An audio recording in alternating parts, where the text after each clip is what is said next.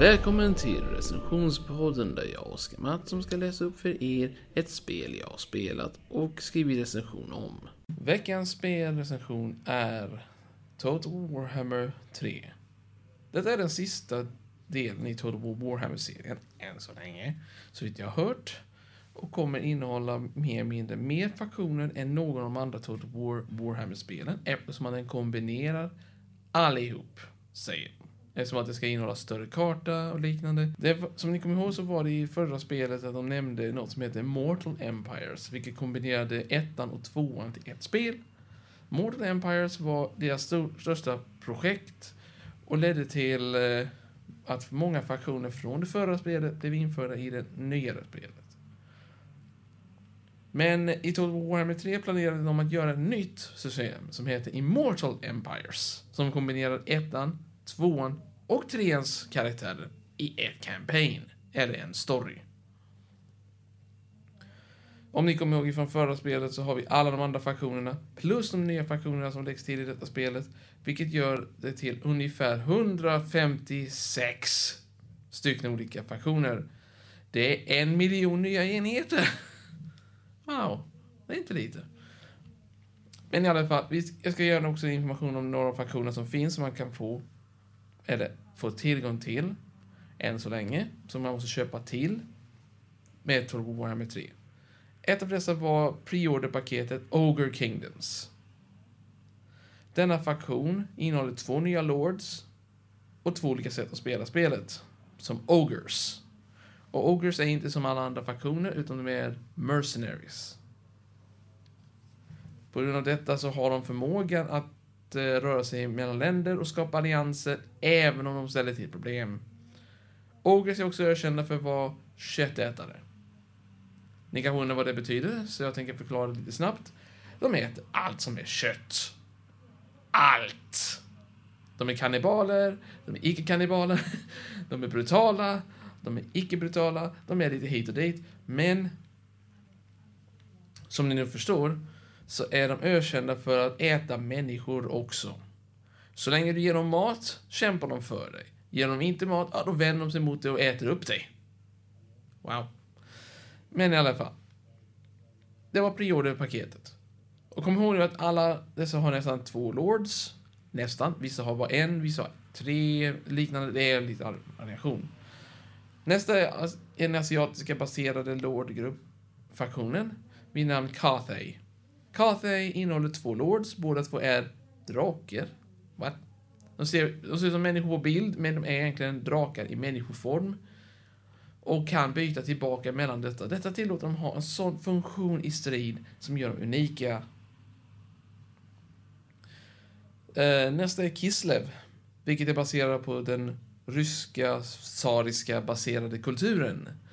Kislev var och förblir den enda faktionen som har tre lords. Bara en måste låsas upp. Det är sorgligt, men vad gör man? De andra två låsen är upplåsta och kan användas direkt från början. Den tredje kan bara låsas upp genom att göra en vanliga basstory-paketet. Du måste klara vissa punkter, du måste klara av spelet och du får denna lord. Lite irriterande tycker jag i alla fall. Men i alla fall. Nästa är Chaos Undivided. Chaos Undivided, eller The Demon Hordes of Chaos, är den enda lorden som har alla Chaos-gudarna på sin sida. Och det betyder fyra olika faktioner i en armé. Vilket betyder att eh, denna lorden är den enda lorden som har tillgång till alltihopa som Chaos kan ge. De följande Chaosgudarna som finns är Nurgle, som sprider pest, kolera, bla bla bla bla. Allt slags helveteskap när det gäller bakterier och sjukdomar. Korn, som ja, många kanske hörde talas om honom, som är ökänd för att sprida blood var han än går, dödar allt och alla i sin väg. Och Skull for the Skull Throne, om ni har hört talas om det uttalet. Blood for the Blood God, Skull for the Skull Throne. Eller, ja, Korn i mindre förkortning. Slanesh är den enda guden som gillar nöje. Och ni kanske undrar, som spelnöje? Nej! Nöje genom sensuella känslor. Och du tänker, kanske tänker då, ja, det låter inte så farligt. Genom att slå dig på huvudet. Eller gör något värre, brännmärka dig, bryta ett ben. De kommer se det som glädje. De ser det som glädje. Du ser det som smärta. De bryr sig inte. Det här var Slanesh. Och sen har vi Sinch, den sista Chaos-armén. Och jag, alla dessa har en lord, tänk på det nu. En speciell lord som representerar dem. Och för att reda på mer, det måste ni spela spelet. Men i alla fall, Sinch är guden om, av, som gillar eh, förändring, öde, magi. Vilket gör de andra eh, lorderna utav eh, Chaos ökänt hatad av Sinch och tvärtom. I alla fall, som jag tänkte säga också, så finns det många olika spel spelsätt att spela.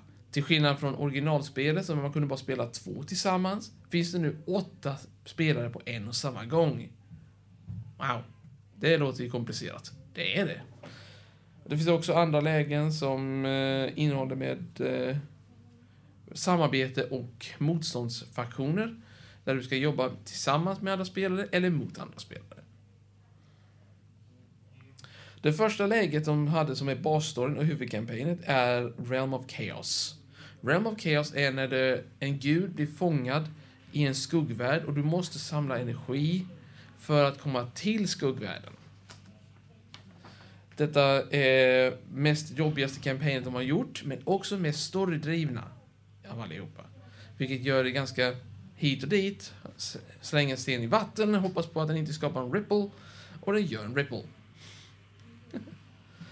Nästa är Darkness and Disharmony, vilket är placerat i Cathay. Denna story-kampanjen var med i basspelet och innehåller, ja, fyra stycken platser för fyra spelare.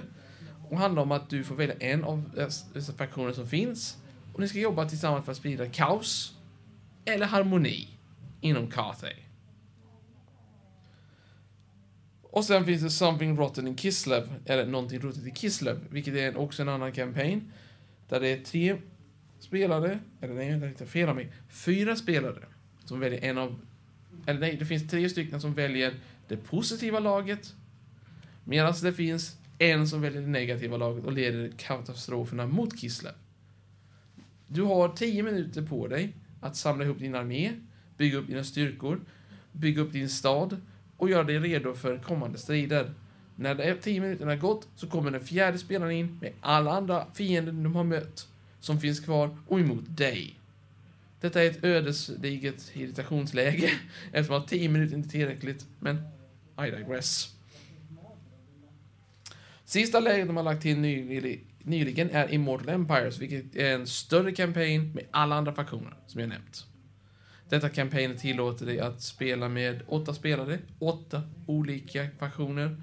Utav alla dessa spelbara karaktärer du har från förra spelen i den nya spelstilen. Detta är episkt, magnifikt och jag tror faktiskt att det kan bli imponerande. Eh, kampanjet är tillgängligt för alla. Du behöver inte äga ettan eller tvåan. Men du kan inte spela faktionerna som ingår i ettan eller tvåan om du inte har dem med trean. Det detta gör så att Immortal Empires är unikt på det viset att det tillåter dig att spela jättekampanjet, eller The Grand Campaign, med fraktionerna från Total Warhammer 1, 2 och 3. Eller bara genom ettan och trean. Eller tvåan och trean, men inte ettan. Men det är bara så att personer som spelar måste äga DLCerna för att det ska räknas och läggas till. Detta gör det jobbigt. Men i mitt fall så har jag redan köpt allihopa DLC som finns. I mitt fall är jag redo för vad som helst kan hända. Spelet är också mest optimiserat med modifikationer, vilket de faktiskt skaparna säger. CA Project och liknande, de säger ja, vi kommer att göra stor succé med detta för vi kommer tillåta modifikationer i spelet. Mitt betyg på spelet är 9 av 10. Jag menar, det här är näst högsta jag gett ut. Det finns ett högre. Men eh, det tänker jag inte nämna. Eftersom att jag kommer inte ihåg exakt vilket det var jag hade gett 9,5 eller 10 utav. För jag vet inte det. Jag kommer inte ihåg för jag har inte skrivit ner allt detta med betygen. Men jag hoppas att ni njöt av denna recension. Och att ni kommer njuta av DLCerna. Och spelet i sig. Tack för mig och hej då.